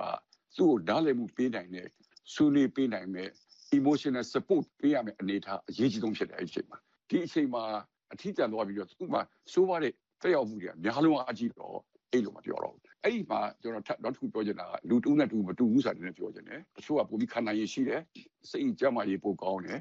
တချို့ကျတော့ underlying problem ငကိုတွေကကြောက်တတ်တဲ့လူလန့်တတ်တဲ့လူ generalized anxiety ဘာလို့ဖြစ်တဲ့လူနော်ကိုယ့်အနေကိုယ်ယုံကြည်မှုသိမရှိတဲ့လူအဲသူများကိုလည်းမိသားစုကိုပြီးခိုး psychologically ပြီးခိုးတတ်တဲ့လူပေါ့လေ independent မဖြစ်ပဲအဲ့လိုလူတွေကြတော့ပိုဆိုးတဲ့ခါကျတော့အိတ်ပဲပြောတဲ့ဥစ္စာရဲ့ဟိုအကြောင်းတွေအိတ်အကြောင်းတွေပေါ့လေဟုတ်တယ်ဆရာအဲ့တော့ဘယ်လိုကုစားပေးနိုင်မလဲဆရာကျွန်တော်ခုနပြောတဲ့အချက်လက်ကလေးတွေကိုနားလေသဘောပေါက်ပြီးတော့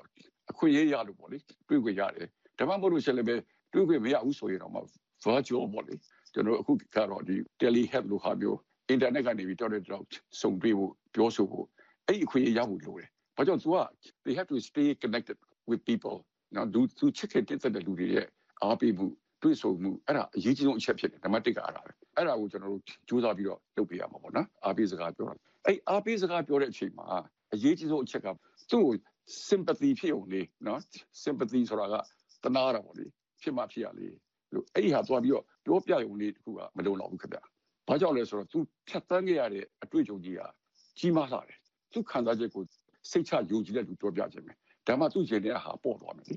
အဲအဲ့ဒီဟာကို အခွင့်အရေးကိုရဖို့အတွက်ဆိုလို့ရှိရင်တနာပါတယ်တော့အစီမပြေဖြစ်သွားတာပဲအစီမကောင်းပါဘူးအဲ့လိုပြောတာတခုတည်းတော့သူ့မှာသက်သာမှုမရနိုင်ဘူးဘာသက်သာမှုပေးနိုင်လဲဆိုရင်သူခံစားချက်ကိုနားလေတယ်ဆိုတာကိုပြသနိုင်ရမယ်သူပြောတာကို attentively listen လုပ်ရတာပေါ့နော်သူခံစားချက်ကိုအဲ့ဒါမှသူကပြောချင်တဲ့စိတ်ပေါ်လာပြန်ဆက်ဆက်ပြောမယ်အာယုံစိုက်ပြီးတော့ကိုခံစားရတယ်လို့မျိုးပေါ့နော်အဲအဲ့လိုကသူ့နေရာမှာအလားတူခံစားရတယ်လို့ဟုတ်ကဲ့သူ့နေရာကိုဝင်ပြီးတော့ပေါ့လေ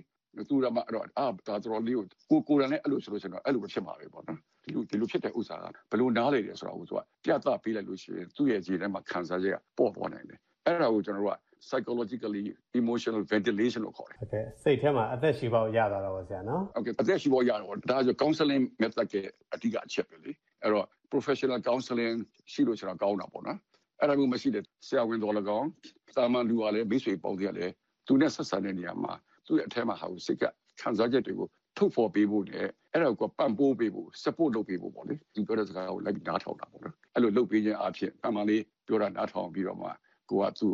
empathic ဖြစ်တာပေါ့သူဖြစ်တာကိုခံစားနိုင်ပါတယ်ဆိုတော့ကိုကိုယ်လည်းခံစားသူတို့ခံစားရပါတယ်နားလည်ပါတယ်ဒါအင်မတန်ကြီးကျယ်တဲ့ trauma ကြီးပဲအဲ့ဒါကိုဖြတ်သန်းနေရတာကိုကနည်းနည်းနော်နော်တတိနဲ့ဖြတ်သန်းလို့မရဘူးအခုလုပ်နေတာဆိုတော့အဆင်ပြေပါတယ်အဲ့ဒီသဘောမျိုးက ပြတ်သားပေးနိုင်ရင်သူ့ကိုတက်တာမှုရသွားတချို့ဆိုလို့ရှိရင်အဲ့ဒါနဲ့ကိုတက်တာမှုရသွားတာရှိတယ်ဟုတ်ကဲ့နောက်ရောဆရာကြီးဘယ်လိုကုစားပေးနိုင်သေးလဲနောက်အရေးကြီးဆုံးချက်ကတော့အိတ်ဖို့လိုတယ်ဆိုလို့ရှိရင်သူ့မှာရှိတဲ့ anxiety တွေကိုကြောက်လန့်ထိတ်လန့်တဲ့ဟာတွေကိုမြန်မာစံတန်တက်တာဖို့ဆိုတဲ့ဆေးကိုသူရှာမှာပေါ့လေအဲ့ဒီအချိန်မှာကျွန်တော် anti anxiety medication တွေပါလာတာပေါ့လေများသောအားဖြင့်ကျွန်တော်တို့ကအဲ့လို anxious ဖြစ်တဲ့လူတွေဆိုဆရာဝန်တွေက anti depressant ဆိုတဲ့ဆေးစိတ်သက်ကြတာကိုပြန်ကောင်းစေတဲ့ဆေးမျိုးအဲ့ဒီမှာလည်း anti anxiety ဆိုတဲ့ property ပါတော့ အဲ့ဒါလေးအနေချင်းပေးလိုက်ခြင်းအဖြစ်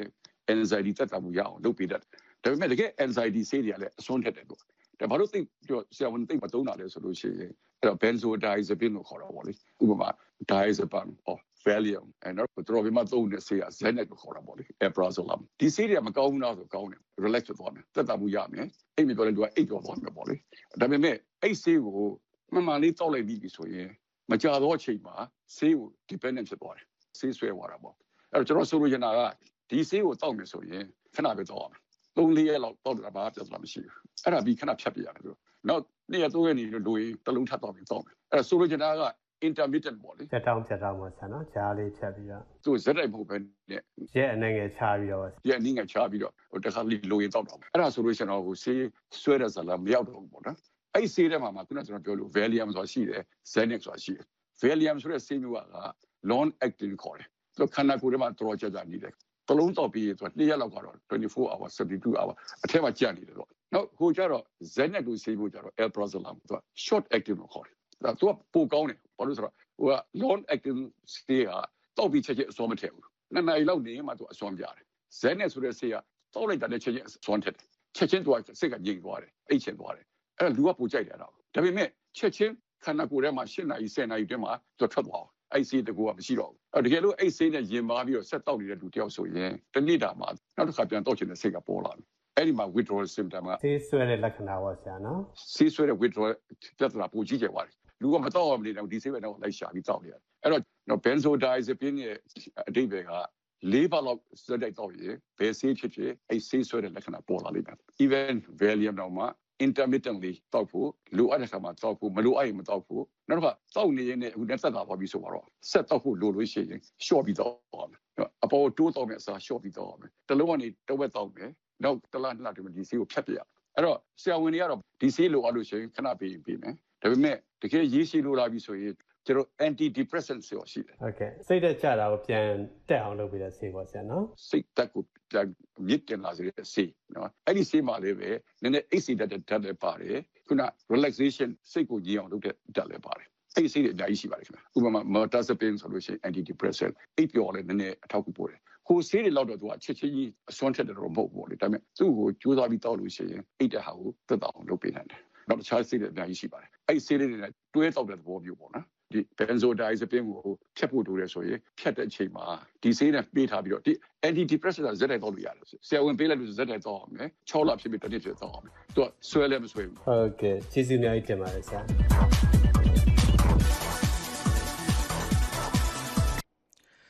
ဦးဝင်းမင်းရဲ့ကျမ်းမာရေးကဏ္ဍဖြစ်ပါတယ်ခင်ဗျာ VOA ကထုတ်လွှင့်ပြီးသမျှအစီအစဉ်တွေနဲ့ပတ်သက်လို့ VOA ရဲ့ internet စာမျက်နှာဖြစ်တဲ့ burmese.voanews.com ဆိုတဲ့ website မှာ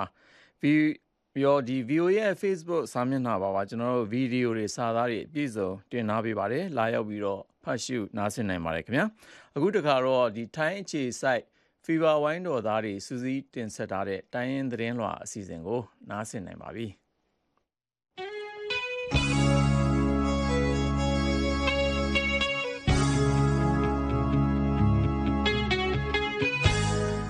စဉ်တင်ဆက်သွားမယ်။တိုင်းရင်းသတင်းလွှာကကြိုဆိုပါရယ်။မြန်မာနိုင်ငံတဝန်းတိုင်းရင်းသားလူမျိုးစုတွေနေထိုင်ကြတဲ့အရက်ဒေသတွေမှာဖြစ်ပျက်နေတဲ့အဖြစ်အပျက်တွေနဲ့တိုင်းရင်းသားတွေရဲ့အသံတွေကိုထင်ဟပ်တင်ဆက်ထားတာဖြစ်ပါတယ်။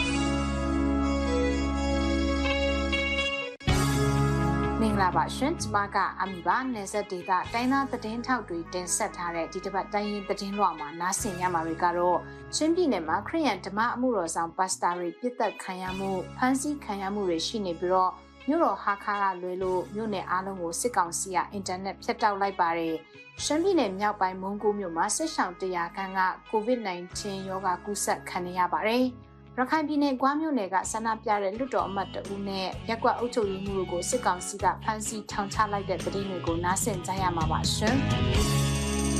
ကျမကနန်းဟောင်ပါရှင်တည်င်းတွေကိုစိုင်းမုံနဲ့အတူတင်ဆက်ပေးသွားမှာပါချင်းပြည်နယ်မတူပီမြို့နယ်ခရီးယန်အမှုတော်ဆောင်ပါစတာတူကိုအာနာသိန်းစစ်ကောင်စီတပ်ကဖမ်းဆီးသွားပါတယ်စက်တင်ဘာလ23ရက်နေ့ကမတူပီမြို့နယ်ငလိုင်ကြီးရွာကခရီးယန်အမှုတော်ဆောင်ပါစတာဦးငိုင်ကုန်းရဲ့လက်ကင်ဖုံးထမှာတူမီတနတ်ပုံတွေတွေ့လို့စစ်ကောင်စီတပ်ခလာရတက်လေးတုံညကဖမ်းဆီးသွားတာပါခဏအထိမိသားစုနဲ့လည်းတွေ့ခွင့်မရသေးပါဘူးချင်းပြည်နယ်မှာချင်းအမျိုးသားတပ်မတော် CNA ချင်းလူထုကာကွယ်ရေးတပ် CDF ပူးပေါင်းတပ်နဲ့ စစ်ကောင်စီတပ်တို့အကြား တိုက်ပွဲကြောင့် ချင်းပြည်နယ် မြို့တော် ဟာခါကလွဲပြီးကြံမြို့နယ်အားလုံးကို အင်တာနက်ဖြတ်တောက်ထားပြီး သတင်းအမောင်ချခံထားရတဲ့ ပြည်နယ်ဖြစ်ပါတယ်။မွန်ပြည်နယ်တောင်ပိုင်း ရေးမြို့နယ်မှာမြို့တမီတအူအပါဝင် မွန်ကျေးလက်ဒေသခံရွာသား9ဦးကို စစ်ကောင်စီတပ်နဲ့မွန်ငင်းချမ်းကာကွယ်ရေးပူးပေါင်းစစ်ကြောင်းကဖမ်းဆီးသွားပါတယ်။စက်တင်ဘာ26ရက်နေ့မှာရေးမြို့နယ်တောင်ပိုင်းကမိထော်လာလေးနဲ့ကျုံငဲရွာကရွာသူတအူးနဲ့ရွာသား6ဦးကိုဖမ်းဆီးသွားတာပါ။တီကျေးရွာနီးတဝိုက်တွေမှာ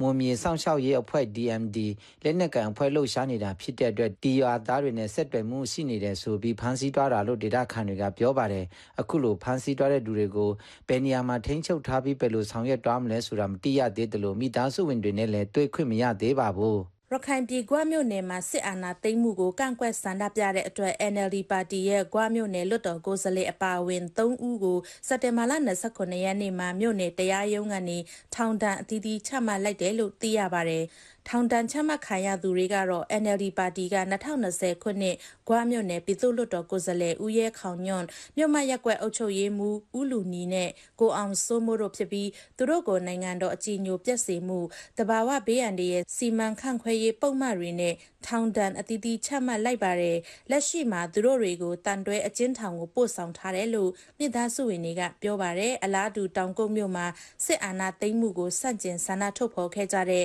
NLD ပါတီက ပြည်내စီပင်ဝန်ကြီးဟောင်း ဦးမင်းအောင်နဲ့ ကိုတန့်စင်ဖြိုးတို့ကိုလည်း စက်တင်ဘာလ18ရက်နေ့က ထောင်ဒဏ်နှစ်နှစ်နဲ့နှစ်လချမှတ်ခဲ့ပါတယ်။ရှမ်းပြည်မြောက်ပိုင်း မူဆယ်မြို့နယ် မုံကိုမြို့မှာ စစ်ပေးဆောင်600ကျော်နဲ့ လူဦးရေ100ခန့်ကကိုဗစ်19 ရောဂါကူးစက်နေတယ်လို့ သိရပါတယ်။ကိုဗစ်19ဒီပြုလူနာတွေကို မုံကိုမြို့ရှိ ကချင်နှစ်ချင်းခရီးယန်ဖျားကျောင်းဝန်း လီဇူဖျားကျောင်းဝန်းအတွင်းကကိုဗစ်စင်တာနဲ့ မုံကိုပြည်သူ့ဆေးရုံတို့မှာ ပို့ဆောင်ထားပြီးဈေးကုတပေးနေရတယ်လို့ မုံကိုမြို့က ပရဟိတနဲ့ရမီရဖတွေကပြောပါတယ်။မုံကိုမြို့ပေါ်ရောက်နေတဲ့ရှေ့ဆောင်ရွာကနန်းဟန်စစ်ကောင်စီတပ်နဲ့ MNDAA ကိုကန်တပ်တို့အကြားဩဂုတ်လကုန်ပိုင်းကဖြစ်ပွားခဲ့တဲ့တိုက်ပွဲတွေကြောင့်ကျေးရွာပေါင်း9ရွာကရွာသူရွာသားတွေဖြစ်ကြပါတယ်။ ကရင်အမျိုးသားလွတ်မြောက်ရေးတပ်မတော်ထိန်းချုပ်နယ်မြေပဲခူးတိုင်းဒေသကြီးကြောက်ကြီးမြို့နယ်မုံဒေတာမှာစစ်ကောင်စီတပ်ကအင်အားတိုးဖြည့်လှုပ်ရှားလာနေပါတယ်။မုံဒေတာမှာအခြေစိုက်တဲ့စစ်ကောင်စီချင်းမြန်တပ်ရင်ခမရ199မှာဗိုလ်ကြီးတူးနဲ့တပ်ဖွဲ့ဝင်တချို့ကလက်နက်ကြီးလက်နက်ငယ်တွေနဲ့အတူစက်တင်ဘာလ24ရက်နေ့မှာ KNU KNLA တပ်မဟာတုံးထန်လာရောက်ပူးပေါင်းလိုက်တဲ့နောက်ပိုင်းစစ်ကောင်စီတပ်ကအင်အားဖြည့်လှုပ်ရှားလာတာလို့ KNU ဖက်ကပြောပါတယ်။စစ်ကောင်စီတပ်ဖက်ကအင်အားအလုံးရင်းနဲ့အခုလိုဝင်လာတာကြောင့်တိုက်ပွဲဖြစ်မှာကိုစိုးရိမ်နေတဲ့ဒေသခံအမြောက်များကနေရစွန့်ခွာတိမ်းရှောင်နေကြတယ်လို့ဒေသခံတွေကပြောပါတယ်။ ရှမ်းပြည်နယ်တောင်ပိုင်းရှမ်းကရနယ်စပ်ဖက်ခုံမြို့မှာစစ်ကောင်စီတပ်ကလက်နက်ကြီးလက်နက်ငယ်တွေနဲ့ရန်တမ်းပစ်ခတ်လို့လူနေအိမ်တွေထိခိုက်ပျက်စီးပြီးဒေသခံရွာတူတူထိမှန်တန်ရာရရှိခဲ့ပါတယ်။စက်တင်ဘာ29ရက်နေ့ကဖက်ခုံမြို့အဝင်ကုန်းစုံရွာနဲ့ဂရဲရွာကြားမှာစစ်ကောင်စီတပ်တွေမိုင်းဆွဲတိုက်ခိုက်ခံရလို့ဒေဂျီတန်ရာရမှုတွေရှိခဲ့တဲ့နောက်ပိုင်းအခုလိုရွာဘက်ကိုလက်နက်ကြီးလက်နက်ငယ်တွေနဲ့ပစ်ခတ်တာလို့ဖက်ခုံမြို့ခံတွေကပြောပါတယ်။ပစ်ခတ်မှုကြောင့်ကုန်းစုံရွာတွေကလူနေအိမ်တွေထိမှန်ပျက်စီးခဲ့ပြီးအိယာထဲကမထနိုင်တဲ့ယောဂတဲ့အမျိုးသမီးပေါင်မှာကြည်စထိမှန်တန်ရာရခဲ့တယ်လို့တိုက်ပွဲကြောင့်ပိတ်မိနေတဲ့ရွာတူရွာသားတွေလည်းဖမ်းဆီးရိုက်နှက်ခံရတယ်လို့ဖေခုံဒေတာခံတွေကပြောပါတယ်ရှမ်းကရနဲ့ဆက်မှလူထုကာကွယ်ရေးတပ်ကီနီဘူးပေါင်းတပ်တွေနဲ့စစ်ကောင်စီတပ်တို့ကြားတိုက်ပွဲတွေပြင်းပြင်းထန်ထန်ဖြစ်နေပြီးခုချိန်นี้စစ်ကောင်စီတပ်ဘက်ကအင်အားဖြစ်တင်းနေမှုတွေဆက်ရှိနေတယ်လို့လည်းသိရပါတယ်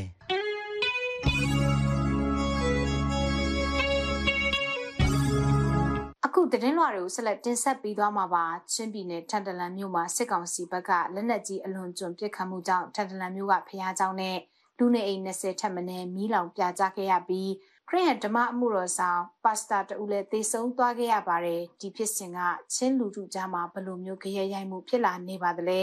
ကိုရောဘတ်ကစူးစီးထားပြီးတော့စိုင်းမွန်းကနေတင်ဆက်ပေးသွားပါမယ်။ စစ်ကောင်စီတပ်အနေနဲ့ချင်းပြည်ကလူနေအိမ်တွေမီးလောင်စေတာခရိယမှုတော်ဆောင်ပါစတာကိုတနက်နဲ့ပြစ်ခတ်တက်ဖြတ်တဲ့အပေါ်မှာအပြန့်ထန်ရှုတ်ချကန့်ကွက်တယ်လို့ချင်းနစ်ချင်းခရိယံဖွဲ့ချုပ်ထွေထွေတွင်ရင်မှုတိတ်ခါတော်ရဒေါက်တာလောဟာလိန်ကပြောပါတယ်။ဒါကလုံးဝမရှိရမယ့်ကိစ္စဖြစ်တယ်။ကျွန်တော်တို့နိုင်ငံရေးပြည်ပကဖြစ်တဲ့ကမှာနိုင်ငံရေးပြည်ပကနိုင်ငံရေးပြည်ပကပေါ့။ဒါပေမဲ့ဒီဟာတွေကိုဆက်ပြီးတော့ဒီလိုပဲမိုက်မိုက်ရန်ရန်လူမိုက်တာတာ ဆက်ပြီးတော့ဖြစ်နေမယ်ဆိုရင်တော့နိုင်ငံပြည်ပကတာမကဘဲနဲ့လေလူမျိုးပြည်ကအသွင်တန်းဒီပါရာပြည်ပကအသွင်တန်းဒီဖြစ်လာနိုင်တဲ့အားတွေဖြစ်တဲ့အတွက်ကြောင့်ဒါတွေကိုကျွန်တော်တို့ကဒီပြည်တာရှုပ်ကြတဲ့သဘောဖြစ်ပါတယ်စက်တင်ဘာ16ရက်နေ့ကစစ်ကောင်စီတပ်ကနေထန်ဒရာမြို့ထဲလက်နဲ့ကြီးတွေနဲ့ပစ်ခတ်လို့လူနေအိမ်ဆက်ကိုလုံးမီးလောင်ပြာကျခဲ့ရပါတယ် ထန်ဒရန်ရပြည့်နှစ်ချင်းခရီးယန်တင်းတော်ဟာတင်းအုပ်ဆရာပါစတာဂျုံပြက်ဟုံကိုပြစ်တက်ခဲ့ပြီးပါစတာရဲ့နိုင်ဖုံးနဲ့မင်္ဂလာလက်စွပ်ကိုလက်ချောင်းဖြတ်ပြီးယူရတယ်လို့ချင်းနှစ်ချင်းခရီးယန်ဖွဲ့ချုပ်ကထုတ်ပြန်ကြေညာခဲ့ပါတယ်အဲ့ဒီအကြောင်းကိုထန်ဒရန်ကလူငယ်တဦးကအခုလိုပြောပြပါတယ်မီးလောင်တဲ့ချိန်မှာပြည်သူကလည်းတယောက်မှမထွက်ရဘူးပေါ့နော်ဒါပေမဲ့ဒီမီးလောင်တာကိုဒီလိုမျိုးမင်းရင်ဖို့ပေါ့နော် CBC pasta တယောက်ပေါ့နော်ကျွန်တော်အထန်တလန်ကအရာအကိုရဲ့ သူကလူငယ်လေးဖြစ်တာပေါ့နော် ပါစတာကျုံးပြခုံပေါ့နော်သူကလည်းဒီမီးလောင်လာကိုမီးဖို့လူတွေကိုနည်းနည်းဆောပြီးမှလေသူတို့အဖွဲ့တွေနဲ့တွားတဲ့အချိန်မှာထန်တလန်လမ်းဆောင်ကနေအာစာကစားတနနဲ့အော်တူနဲ့ပြတာပေါ့နော်တမင်တက်တက်ပြတာအဲ့ကတော့သူ့အသက်ကရှုံရှုံတာပေါ့နော်ဒီမျိုးအာအစီစီတတာတွေကလူသားမဆန်ဆိုဘောနော်သူကိုလက်ချောင်းလေးပေါ့နော်လက်ထလက်ဆွလေးပေါ့နော်အာကိုတော့ကဖြက်ပြီးမှယူတာပေါ့နော် အာသူတို့ဒီပီတူလူထွေးရင်နာတာပေါ့နော်အာနာဒန်စစ်ကောင်စီတပ်ဟာမင်းတပ်က Great Baptist Church ဖ ရာမြို့နယ်ကဒေါင်နစ်ချင်းအတင်းတော်ထန်တရာမြို့နယ်ကဂျွန်ဆန်နစ်ချင်းခရီးယန်ဖျားကျောင်းမှာခရီးယန်တွေရဲ့ဖျားကျောင်းတွေပါရာရေးအထွတ်မြတ်တွေဖြစ်တဲ့ကျမ်းစာအုပ်တွေတချင်းစာအုပ်တွေဖျက်ဆီးတာအလူငွေတွေကိုဖောက်ယူထားတာတွေဆက်တိုက်ကျူးလွန်လာတယ်လို့လည်းဆိုပါတယ်။ချင်းနစ်ချင်းခရီးယန်ဖွဲ့ချုပ်ကတော့လက်ရှိနိုင်ငံရေးပဋိပက္ခတွေကြောင့်ဒေတာတွင်စီရေးတင်းမာမှုတွေကိုမှန်ကန်တဲ့နိုင်ငံရေးနည်းလမ်းနဲ့တရားမျှတစွာအဖြေရှာပြီးညီညွတ်ငြိမ်းချမ်းသောပြည်ထောင်စုကိုယ်တော်တည်ဆောက်စေလိုတယ်လို့လည်းပြောဆိုထားပါတယ်။ ဆက်ပြီးတော့2020ပြည့်နှစ်နောက်ပိုင်းကရခိုင်ပြည်နယ်မှာတိုက်ပွဲတွေရပ်တန့်ဖို့စစ်တွေမျိုးလမ်းမပေါ်ထွက်ပြီးတော့ကိုလိုနီအစိုးရအလိုမရှိဖက်စစ်စစ်တပ်အလိုမရှိ no bloody government Burma army get out စတဲ့စိုင်းပုတ်တွေကင်ပြီးတော့ဆန္ဒပြခဲ့ကြတဲ့ရခိုင်ចောင်းသား၄ဦးကိုထောင်ဒဏ်ချမှတ်လိုက်တာက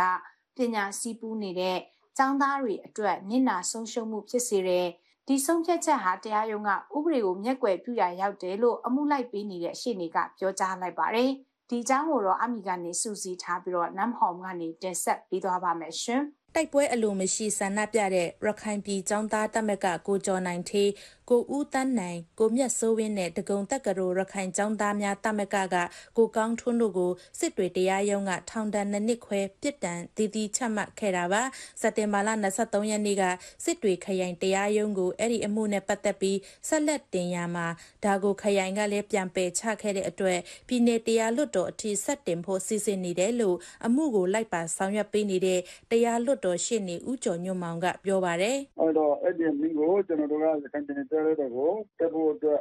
ပြင်ချက်တွေတက်ပြီးတော့ပူထားပါတယ် အခု ခရယုံကကွန်ပျူတာကို မကျင်တော့ ကျွန်တော်တို့က ရခိုင်ပြည်တရားလို့တော့တရားမှာပေါ့အဲရခိုင်ပြည်တရားလို့တော့တက်ဖို့တော့ စီစဉ်ထားပါဒီလူငယ်တွေဟာ တက်ကရိုမှာ ပညာစည်းပူးနေတဲ့ចောင်းသားတွေဖြစ်ပြီး ဖြစ်စဉ်တစ်ခုတဲ့အပေါ်မှာ အမှုနှမှုဖွင့်ပြီးတော့ ပြစ်ဒဏ် ၂ ရပ်ကိုတီးခြားစီချတာဟာ ဥပဒေကို မျက်ကွယ်ပြုပြီးတော့ ဆုံးဖြတ်ရာရောက်တဲ့ចောင်းသားလူငယ်တွေကိုလည်း နစ်နာစေတယ်လို့ ဦးကျော်ညွန့်မောင်က ဆက်ပြောပါတယ် ဒီကျောင်းသားတွေဟာ တကယ်လို့ကျောင်းသားတွေကပညာသင်နေတဲ့လူတွေလည်းဖြစ်တယ် နောက်ပြီးတော့ဟိုဟာသူတို့ကိုယ်တိုင်က သူတို့မှတာကို ကြိုးစားတော့သိရှိကြောင်းလေးဝန်ခံထားတယ် အဲ့လို ဝန်ခံထားပါလေသူတို့က ဝန်ခံထားပါလေတရားရုံးကဒီသမတ်ထားတဲ့အဲ့ဒီပြမှုနဲ့ ပတ်သက်တဲ့ဟိုပြည်တယ်တွေကိုရင်းဆုံး ချမှတ်တာကတော့ ကျွန်တော်တို့တွေ့ကြုံရဆိုတော့တောင်းတရတဲ့နင်းနာတယ် ခုနဆက်မှုဥပဒေအဆိုရင် ဥပဒေအမှန်နေတယ် နောက်တော့ကဝန်ခံတဲ့လူကအမြင့်ဆုံးပဲပြည်တယ်ချတာကလည်း တရားရုံးကတော့ ဒီအဲ ကလေးတွေပေါ်မှာတညာရောမစင်သားဘဲနဲ့မစုံပြတဲ့ကိုရှားတယ်ဆိုတော့တော်လည်းမင်းတာတော့ဗျာအဲ့ဒီနရှင်နဲ့ကျွန်တော်တက်တာစက်တင်ဘာ16ရက်နေ့ကစစ်တွေမြို့နယ်တရားရုံးကနေရခိုင်ပြည်ចောင်းသားများတပ်မက်ကចောင်းသား၄ဦးကိုနိုင်ငံတော်အကြေညိုပြည့်စုံမှု905ခခွေတဘာဝဘေးအန္တရာယ်ဆိုင်ရာစီမံခန့်ခွဲမှုဥပဒေပုံမှန်29တို့အတွက်အမြင့်ဆုံးပြစ်ဒဏ်ထောင်ဒဏ်နှစ်နှစ်ခွဲစီချမှတ်လိုက်တဲ့အပေါ်ခရိုင်အဆင့်ကိုတက်ခဲ့ကြတာလို့ပြောပါတယ်